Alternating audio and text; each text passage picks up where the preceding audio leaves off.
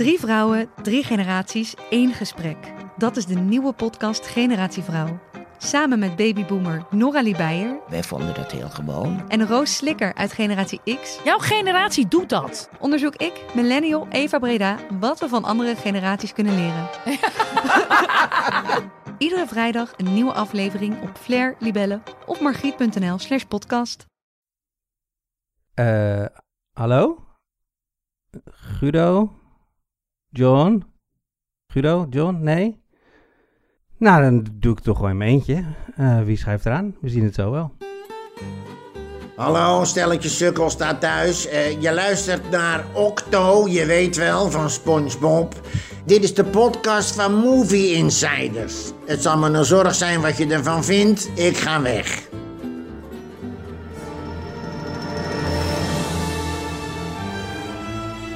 Good evening, ladies and gentlemen. We are tonight's entertainment. Movie Insiders. They're here. Why should I waste my time listening? Because I have a right to be. Uh, I have a voice. Groovy. Hallo en welkom bij Movie Insiders, de filmpodcast van Nederland. Ja, in mijn eentje dus. Nee hoor, wees niet bang, ik ga niet de hele tijd in mijn eentje praten. Eh, kijk een klein kijkje achter de schermen van hoe een podcast gemaakt wordt. Vorige week toen ik met Guido de podcast van Close en Investor Nicht Neues opnam, hebben we ook alvast de recensie van de nieuwe Black Panther Wakanda Forever opgenomen. Maar daar zat nog een embargo op, dus die mocht niet in de uitzending. En bovendien was de uitzending al heel erg lang.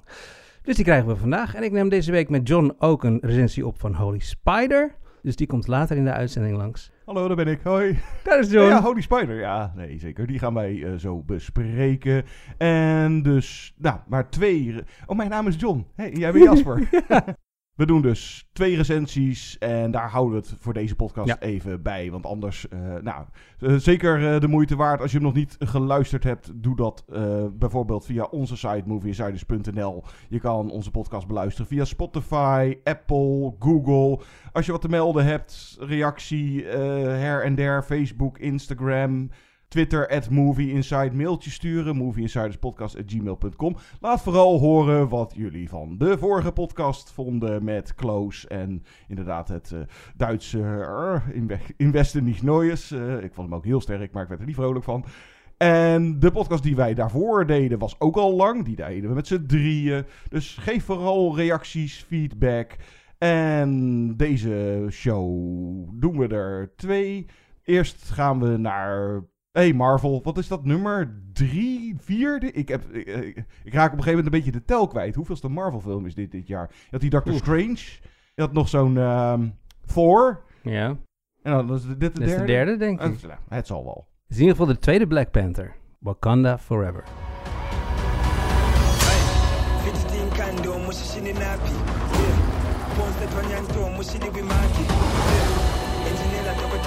His people did not call him General or King. They called him Kukul Khan, the feather serpent god. Killing him will risk eternal war. He's coming for the surface world.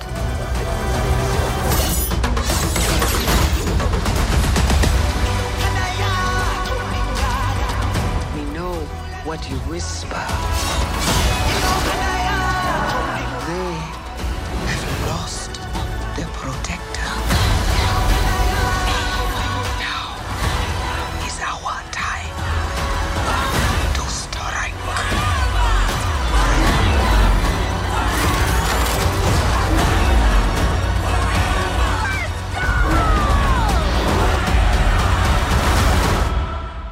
In 2018 verscheen Black Panther. Geprezen omdat het nou een keer een zwarte superheld was. Maar wat mij betreft erg goed en doeltreffend ook door allerlei andere redenen. Niet op de laatste plaats het acteerwerk van Chadwick Boseman. Helaas is hij in 2020 overleden na een lang gevecht met kanker. Naast andere prachtige rollen speelde hij King T'Challa, oftewel de Black Panther, in maar liefst vier films en een serie. Maar de Marvel-machine moet natuurlijk blijven draaien. En dus komt er een nieuwe Black Panther film. zonder hem. Alleen was Black Panther in het MCU-universe nog levend. Hij was wel even weg tijdens de blip, maar de laatste keer dat we hem zagen was hij gewoon nog springlevend.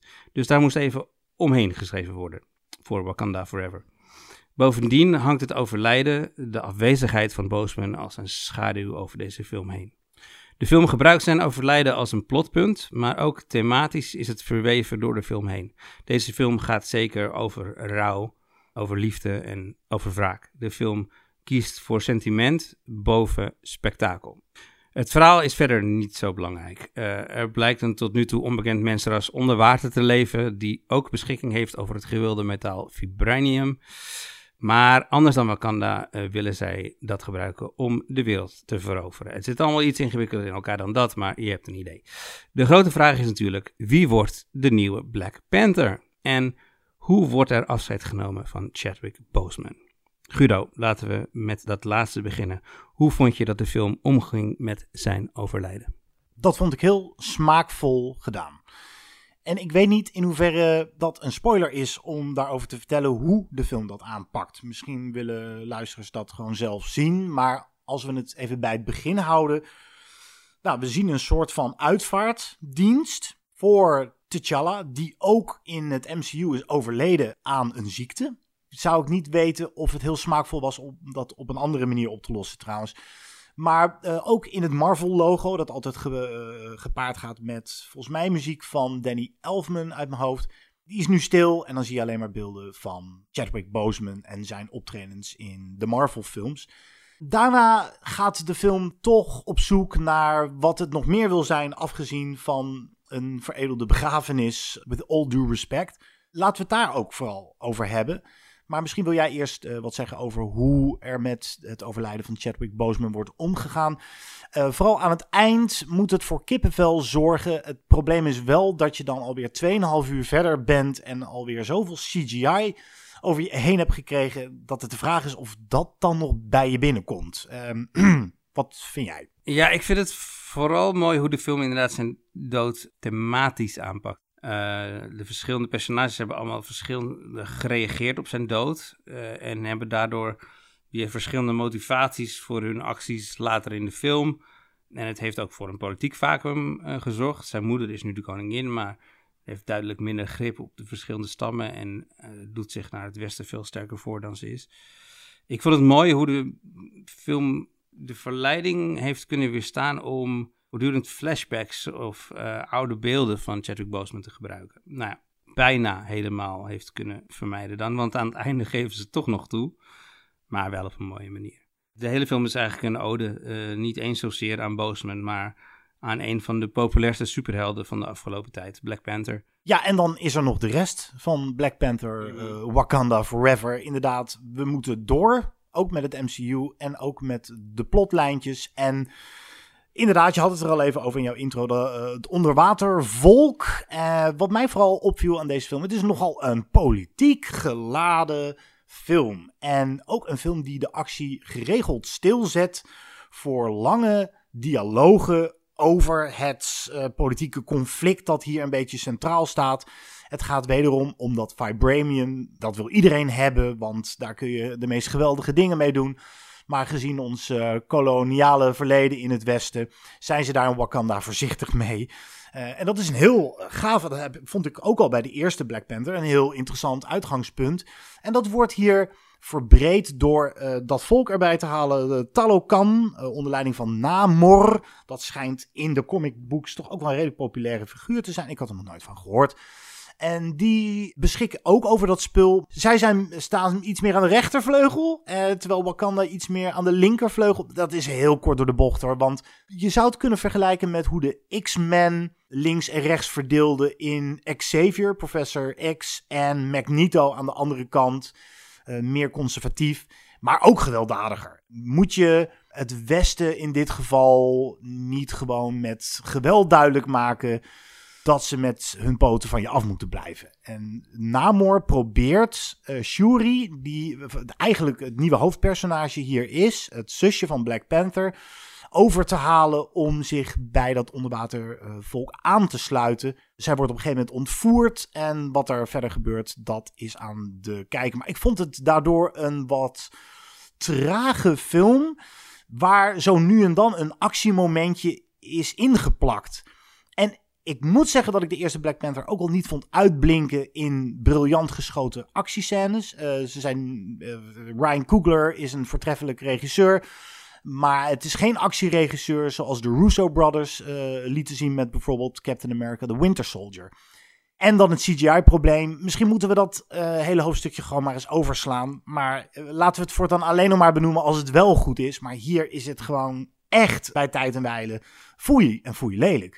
Ik vond die onderwaterwereld nog wel mooi gedaan, maar zodra deze mensen van de Talokan door orka's en walvissen aan land worden geworpen met een staart, dan denk je, ouch, doe het of heel goed en uh, ga nog een jaar aan die film zitten sleutelen voor de digitale finesses, of doe het niet. Ja, helemaal mee eens. Uh, de, de actiescènes, de vechtscènes, maar dat geldt eigenlijk ook bijna voor alle Marvel films, ook, ook die het wel goed doen zijn voor mij altijd een probleem, omdat het gewoon actie is om actie. Eigenlijk staat het plot gewoon stil tijdens actiescènes in Marvel films. Je kan hem net zo goed even doorspoelen zonder dat je iets mist. Maar goed, het hoort er helemaal bij, blijkbaar. En ja, nee, de CGI was weer uh, slecht. Uh, maar dat was te verwachten. Zoals ik vorige week heb uh, verteld, zijn die CGI-huizen gewoon overvraagd door alle series en films. En kunnen ze het werk gewoon niet aan. Over de inhoud nog. Um, doordat de nadruk toch vooral ligt in het sentiment en in het afscheid nemen van Boosman, is er gewoon volgens mij niet zo heel veel aandacht aan het echte plot gegeven. Want het plot is niet eens zo lastig te volgen, maar het voelde gewoon zo onbelangrijk. Bovendien, en dat is wel, ja, dat vond ik wel jammer, is er door die nadruk echt bijna alle humor, waar Marvel toch wel onbekend staat, uh, uit deze film verdwenen. Uh, wat je net zei over de traagheid van de film en de politieke laag van de film. Dat vond ik juist van die eerste Black Panther. Wat ik zei dat ik vond hem om andere redenen ook een, hele goede film. Uh, die eerste Black Panther. Wat, ik, wat mij daar vooral uh, aan opviel was dat de bad guy, gespeeld door Michael B. Jordan, die had eigenlijk een heel goed punt. Die wilde namelijk het vibranium gebruiken om de rest van het continent Afrika uit de armoede te halen. En King T'Challa en de andere Wakanda's waren daar tegen. Dus ik vond dat best wel baanbrekend in die film. Dat de bad guy, ja, was dat wel de bad guy? Ja, daar hou je een heel goed punt aan. Michael B. Jordan staat trouwens op de credits voor dit vervolg. En je moet maar zien hoe ze dat hebben gedaan. Want die heeft de eerste Black Panther toch niet overleefd? Uh, vraagteken. Maar uh, daar heb je een goed punt. Dat is ook wel een beetje een ziekte van deze tijd. Dat bad guys ook grijstinten moeten hebben en dat je ze moet kunnen volgen. Maar een heel goed voorbeeld daarvan was absoluut uh, Michael B. Jordan in de eerste. Voorbeeld. En een vroeg voorbeeld, ja, eens. Nou ja, goed, ook de Talokan, als dat dan de bad guys zijn in deze film, daar zou je je achter kunnen scharen. Maar het is gewoon plottechnisch gezien allemaal een heel stuk minder interessant dan die eerste film. Dat is helemaal waar. Wat overblijft is ook vooral heel veel zijplotjes. Uh, die volgens mij vooral de Marvel-machine draaiende moeten houden. En dat resulteert onder meer in onnodige scènes met Martin Freeman en Julia Louis-Dreyfus. Nou, ik hoef niet uit te leggen wie ze te zijn, want daar heb ik en geen zin in. En het is voor de Marvel freaks misschien leuk, die ook al die series hebben gezien. Maar als je die niet hebt gezien, heb je er weinig aan. En ze houden de boel eigenlijk alleen maar tegen. En dan wordt in deze film de plot al veel stilgelegd. Wat ik wel vind aan Black Panther Wakanda Forever is, en dat was ook al met de eerste, ik heb bij Marvel heel vaak het idee dat er vooral haast moest worden gemaakt om er zo snel mogelijk weer één uit te kunnen spugen. En uh, Marvel, uh, nou, uh, top of mind te houden. Ik heb het gevoel dat Ryan Coogler hier wel iets meer liefde insteekt dan de gemiddelde filmregisseur die zich met Marvel in zee laat.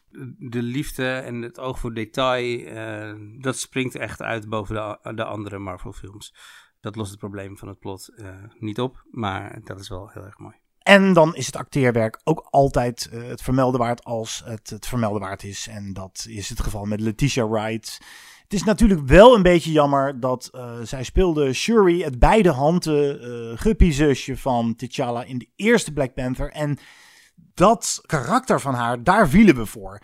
En hier speelt ze toch een heel ander iemand. Ze is natuurlijk nog steeds Shuri, maar aangetast door de dood van haar broer. En speelt ze ook een hele andere soort rol. Uh, wie ik wel genoemd wil hebben, dat is zo'n actrice die eigenlijk altijd voortreffelijk is in welke film ze ook speelt, maar nooit in het A-lijstje genoemd wordt, is Angela Bassett. Haar karakter is uh, heel interessant en zij acteert echt de pannen van het dak. Misschien als je dan een Oscar-nominatie zou moeten geven aan iemand van de cast uh, uit deze film. Want de vorige Black Panther deed vol mee met de Oscars zelfs voor Best Picture enzovoort.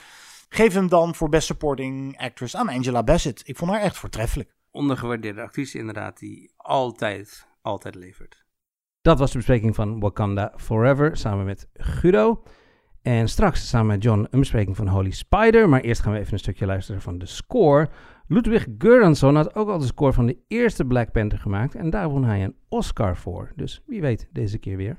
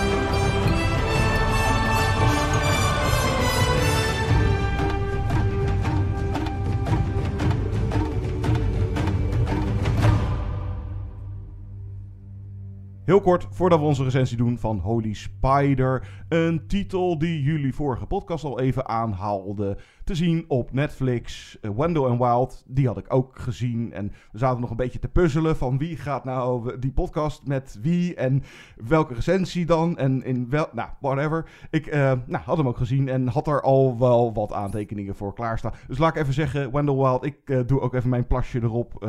Ja, dat is zo tijdrovend iets, die stop-motion animatie. En daarom duurde het 13 jaar na Coraline voordat er eindelijk weer een nieuwe Harry Selick is gekomen. En nou, het was al wel zo dat hij in 2015 was hij al wel begonnen. En nou, daar gaat dan jaren werk over tijd heen. Ik las in de trivia dat er ook nog een brand heeft plaatsgevonden in de studio. Waardoor de hele productie een tijdje heeft stilgelegd. En wat jullie volgens mij in de vorige podcast vergaten te vermelden... is dat de belangrijke tweede man bij Wendell and Wild Jordan Peele is. Ja, dat zijn er niet gezegd inderdaad. Co-scenarist, uh, producent. Hij doet een van de stemmen van of Wendell of Wild. Samen met Kia ook, toch? Niet? Ja, uh, Key Peele. Key Peele, ja. inderdaad. En zijn invloed is echt wel merkbaar ook in de karakters, in de humor, in de genres. En op zich een mooie samensmelting met dan die stop-motion van Henry Selick. Ja, het is een film met misschien wel te veel ideeën en personages en subplots. Maar het wordt, geen, nou, het wordt geen zootje. Het mist wel zo, uh, iets van focus. Maar dat is op zich niet zo heel erg. Want de film verveelt echt geen seconde. En het is denk ik ook voor kinderen zelfs nog wel net te volgen. Het is nou ook niet te eng. Eigenlijk, wow, als je het naast Coraline of Nightmare Before Christmas heel eng is het dan ook niet. Maar nou, wat me wel, wel weer opviel om even terug te gaan naar de diversiteitsdiscussie die we een paar podcasts mm -hmm. terug deden. Dit was bijna overdreven multiculti voor mijn gevoel. Zwart, wit, bruin, geel, paars, trans. Prima hoor, maar ik begon wel bijna zo van, oh, een beetje overkill. Uh, nou, het is in ieder geval een super diverse film. Ik vond het wel mooi hoe je dat, er zat inderdaad een transpersonage in. Mm. En het was helemaal niet belangrijk dat het een transpersonage Nee, was. deed er verder niet En toe, dat, dus is, dat vind ik goed, zeg Ja, maar. nee, er werd ook nergens echt nadruk op eh, gelegd. Ja. Maar het viel me wel eh, na het, of tijdens het kijken al direct op zo van... Oké, ja, alles komt al zo'n beetje voorbij. Zelfs Native American. Er zitten wat dingen in over rouwverwerking. Nou, rebelse tiener met schuldgevoel. En eh, als je dieper gaat graven in die film over nou, de hervorming dingen. eh, nou, een dood stadje wat weer... Nou ja, dan wordt plat ge, gebulldozerd en met hebzucht en een fout bedrijf wat daarachter zit. En verder nou, een, een eh, katholieke school met van die nonnen en demonen en de duivel en noem het even zombies, bovennatuurlijke gaven en nou, gaat zo maar door. Er zit echt gewoon, eigenlijk gewoon te veel in Wendell en Wild. En de poppen, het ontwerp, eh, er zit best wel wat variatie ook in. En Wendell en Wild zijn duidelijk ook gemodelleerd naar Key en Peele. Als je die eh, mannen weet hoe ze eruit zien. Nou, dan heb je de, de, de gewone mensen en de doden en de demonen. Het is allemaal een beetje verschil qua design. Maar de creativiteit, eh, het, het script en eh, gewoon genieten. Fijn dat dit eh, inderdaad gewoon nog kan. Zo creatieve vrijheid die Selick kreeg van dan vooral Netflix. Laten we het even houden op een zalig zooitje. Ja, ik had dus eigenlijk staan, ja, heerlijk voor met Halloween. Dat is inmiddels geweest, maar... En dan, ja, misschien met de kinderen wel. Niet met te jonge kinderen, zou ik zeggen. En waar staat hij op jouw eh Select-lijstje? Eh, dan toch wel onder sowieso Coraline en Nightmare Before Christmas. En dan, oeh, dan tussen deze of James and the Giant Peach moet je dan gaan kiezen. Ja. Oeh, dan deze.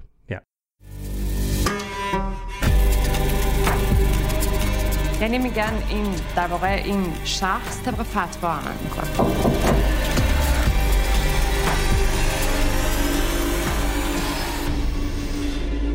Şuna verin.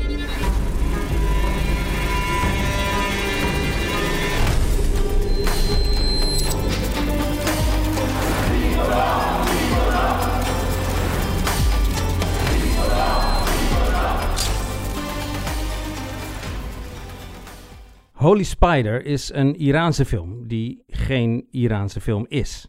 Het is een Deense, Duitse, Zweedse, Franse co-productie, geregisseerd door de Iraanse filmmaker Ali Abbasi, die zo'n 20 jaar geleden naar Denemarken is gekomen en daar nog steeds woont. Maar de film vertelt wel een echt Iraans verhaal, gebaseerd op echte gebeurtenissen. Namelijk een seriemoordenaar die in de tweede stad van Iran, Mashhad, vlak na de eeuwwisseling in anderhalf jaar tijd 16 prostituees vermoord heeft. Naar eigen zeggen, en ook volgens deze film, om de straten te zuiveren van deze niet pure vrouwen. Er werd eerder al een documentaire en een door Iran goedgekeurde verfilming hiervan gemaakt. Ibrahim Irazat Killer Spider uit 2020. Ja, oké. Maar Al-Abbasi kreeg natuurlijk die goedkeuring niet van de Iraanse regering. En deze film is dan ook niet in Iran, maar in Jordanië opgenomen. Toch gaat dit over en voelt dit helemaal als het Iran van die tijd. En aangezien de moordenaar de hoofddoeken van de vrouwen gebruikt om ze te wurgen, komt de film op een bijna eng symbolisch moment uit. Want de opstand die daar nu bezig is, is een reactie op het overlijden van Masha Amini nadat ze gearresteerd werd voor het niet correct dragen van haar hoofddoek. Er zijn in Iran meerdere pogingen tot opstand geweest, maar deze is op één punt anders. Deze wordt geleid door vrouwen. En laat het nou ook juist in deze film de vrouw zijn die de leiding neemt, tegen het door mannen geleide systeem vecht en de moordenaar op het spoor komt. Die vrouw is de overigens fictieve journaliste Rahimi, gespeeld door Sar Amir Ebrahimi. En de hele film lang loopt ze eigenlijk tegen de muren van de mannelijke maatschappij aan. Lang volgt de film de bekende structuur van de soort true crime films en series over seriemoordenaars die we wel gewend zijn. Echt interessant is de film in wat het te zeggen heeft over de maatschappij in Iran, wat met name in het laatste deel scherp en huiveringwekkend wordt neergezet. John, werkt deze film voor jou beter als verslag van de jacht op een seriemoordenaar of als sociale kritiek op de Iraanse maatschappij? Dat is eigenlijk in mijn geval bijna onmogelijk om te kiezen tussen die twee, want het werkt allebei. Ja. Dus om nou te kunnen zeggen van, oeh, hij werkt veel beter als seriemoordenaar film.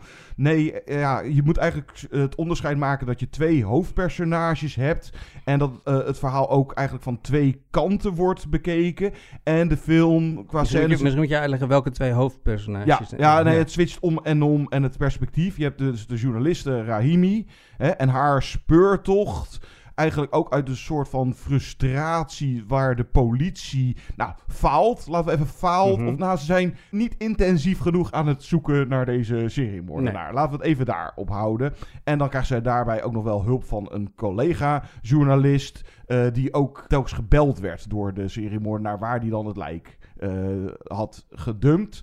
En nou, dat zij zichzelf uiteindelijk in de strijd ge- gooit om deze seriemoordenaar een halt toe te roepen. En dan eh, het tweede hoofdpersonage wat we volgen is de seriemoordenaar zelf, Said.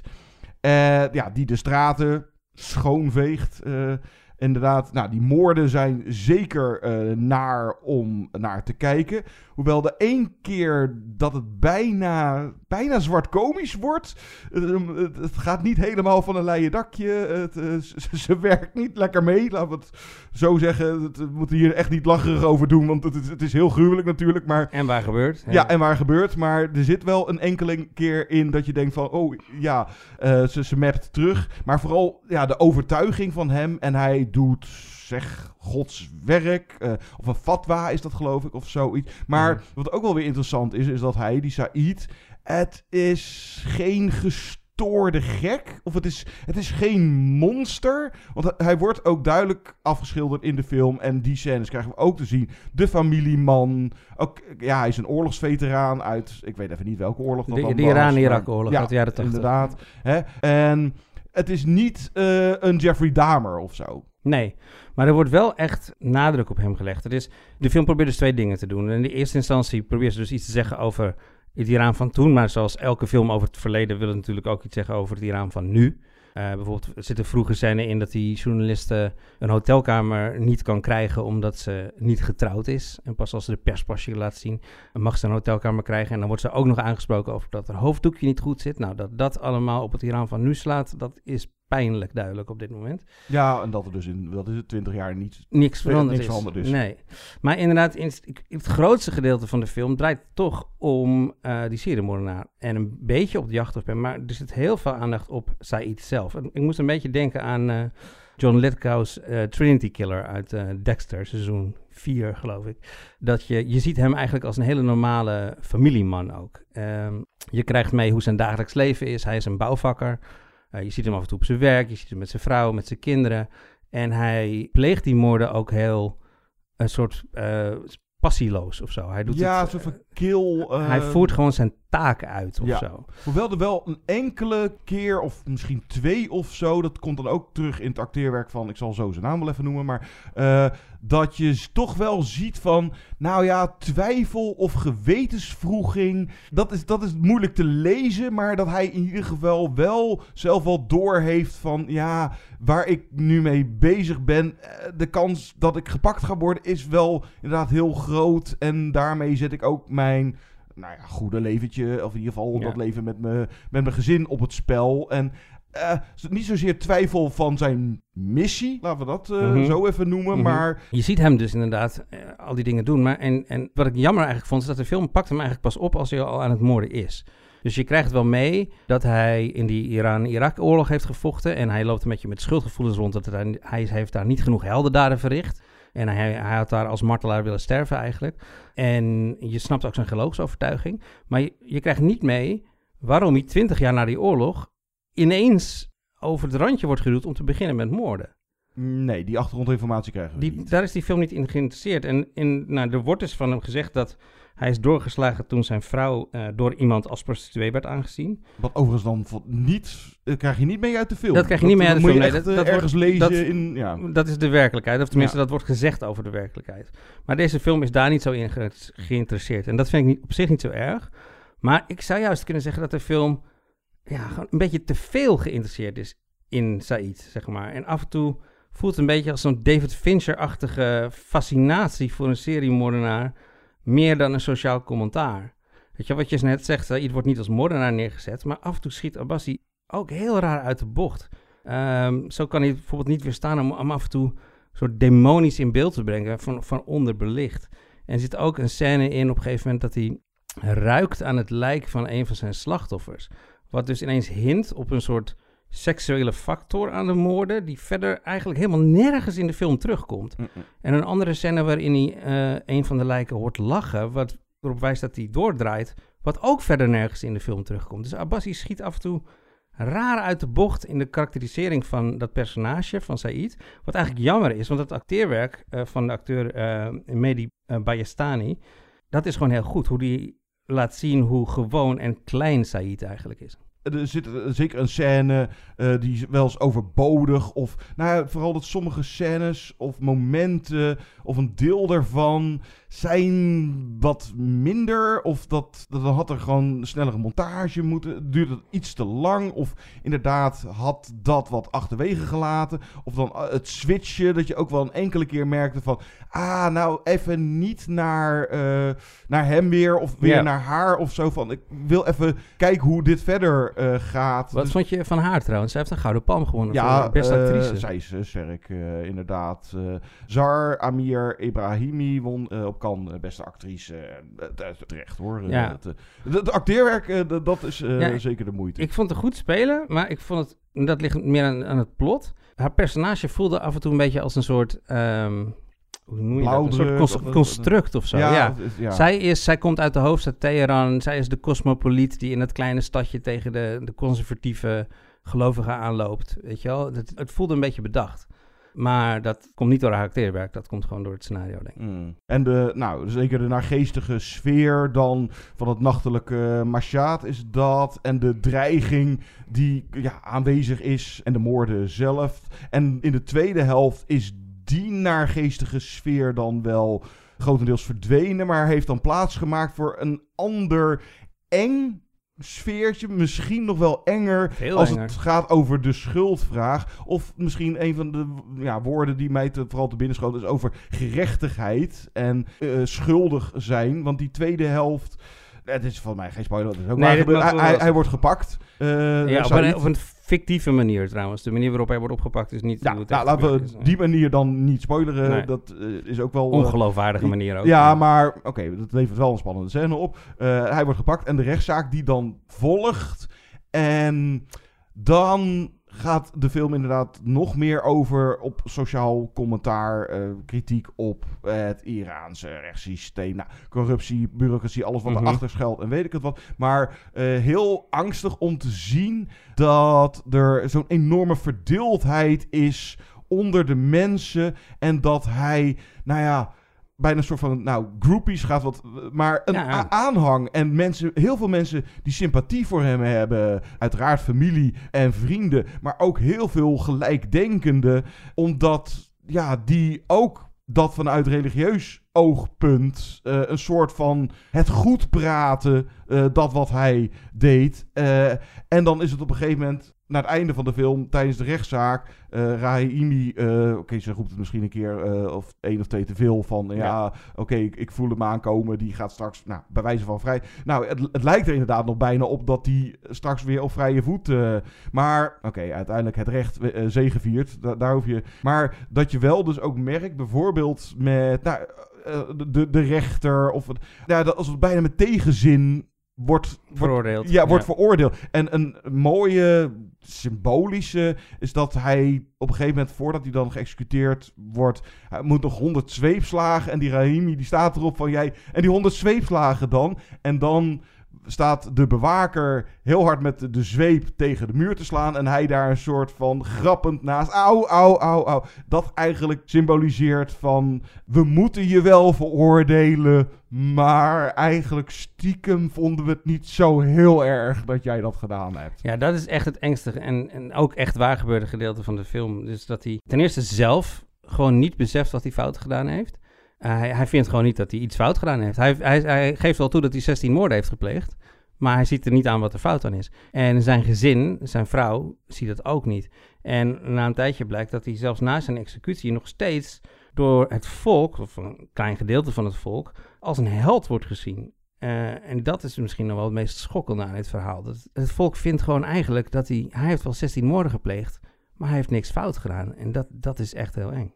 Ja, en daarin zie je terug bijvoorbeeld, uh, nou, ook inderdaad het raakvlak met de actualiteit, hè, de protesten die nu in Iran plaatsvinden, hè, de vrouwenonderdrukking, de misogonie en ja, kansarme vrouwen in die tijd in uh, Iran en nu vast ook nog wel. En dat is ook zo'n taboe onderwerp, uh, prostitutie, mm. drugsgebruik. En dat, nou zeker Said of anderen verschuilen zich bijna onder het, ja, die vragen erom om uh, omgebracht uh, te worden. Hè? Het wordt gereinigd, ja. zoiets. En dan zitten er ook wel dingen in dat uh, Rahimi, de journaliste, nou ja, bijvoorbeeld dat zij dan een reputatie had van haar werk eerder, dat ze nou, zou zijn ontslagen van. Nou, of ze, ze, wordt bestempeld als een losse vrouw. En dan dat met die foute politieagent. Dat was wel een klein beetje te veel on ja. the nose. En, ook, en ook bedacht. Dus ja, dat, ja. Ik, ik snap dat het erin zit. Maar het was niet nodig geweest, Nee. die scène. Nee, het is echt inderdaad. Ik vond echt dat, dat laatste stuk was gewoon het, het meest schokkende en het meest enge. En daar kreeg je echt wel de rillingen van over je rug. Dat je het publiek gewoon eh, ja, zijn naam Ja, hoort scanderen. Maar ja, uiteindelijk vind ik ligt over de hele film genomen de, de echte interesse van Abbasi toch vooral bij die moorden zelf. Die inderdaad pijnlijk gedetailleerd in beeld worden gebracht. En die fascinatie vind ik dan toch een beetje zonde. Ja, het lijkt wel inderdaad alsof hij er net iets te, nou ja, verlekkerd, weet ik niet. Op zich, kijk, het, het, het kritische aspect van eh, deze film, en daarom is het een Deense slash EU-productie, want, eh, en dan opgenomen in Jordanië, want dit zal vast wel verboden zijn in Iran. Ja, ik denk dat ze, ja. hier zullen ze niet zo blij mee zijn. Het, is, mag dan wel inderdaad waar gebeurd zijn, maar dit is dan de versie van het verhaal die eh, vooral de autoriteiten in Iran liever niet willen zien of liever niet verteld eh, zien. Maar ja, Ali Abbasi, eh, het- nou, hij, hij weet zeker een strakke film neer te zetten. En zowel als seriemoordenaar thriller als sociaal commentaar op beide vlakken is het ruim voldoende. Maar Zeker. ik vond zijn vorige, dat de grens of border met die gekke... Soort nou, body horror was dat tro- toch? trollenachtige. Die vond ik dan nou, spannender op een andere manier. eh, eh, wat, wat verrassender, wat interessanter, wat afwijkender. En dit is niet iets wat je niet eerder hebt ge- gezien of zo. Het eh, deed me af en toe ook wel een beetje terugdenken aan Memories of Murder van Bong Joon-ho. Of, nou, of inderdaad eh, David Fincher, Zodiac, eh, dat soort dingen. Dus, maar zeker de moeite, een interessante eh, titel. Het is vooral voor het sociale commentaar gewoon een belangrijke film. En zeker nu. Dat was deze aflevering. Deze keer geen top 5. Want die vo- twee vorige podcasts die waren al lang zat. Dus we houden het hier even bij deze twee recensies. En eh, kort mijn plasje op eh, Wendell en Wild. Ja, we kunnen nog wel even zeggen wat we volgende week gaan doen. Want dan zitten wij hier weer met z'n tweeën. En dan gaan we wel een volledige podcast opnemen. We gaan het dan onder andere hebben over de nieuwe George Miller. 3000 Years of Longing. Mad Max George Miller. Mad Max George Miller. En eh, ja, eh, eh, de nieuwe Caspar Noé. Irreversibele Caspar Noé. Die heet Vortex. En we gaan een top 5 sprookjes voor volwassenen doen. Ja, oeh, sprookjes voor volwassenen. Nou ja, Wendell en Wild, nou, valt toch wel in, meer in de categorie. Niet voor alle leeftijden, maar ja, en in, in hoeverre is het een sprookje? Jullie hebben vorige podcast eh, nog geen muziek van gedraaid. Nee, dus Een daar kunnen we ermee uit. Mijn favoriete scores, misschien alle tijden wel, is eh, van een film van eh, de, nou, de vorige stopmotion van Henry Selick, Coraline. En componist Bruno Coulet deed ook de score van Wendell and Wild. Tot volgende keer. Tot volgende keer.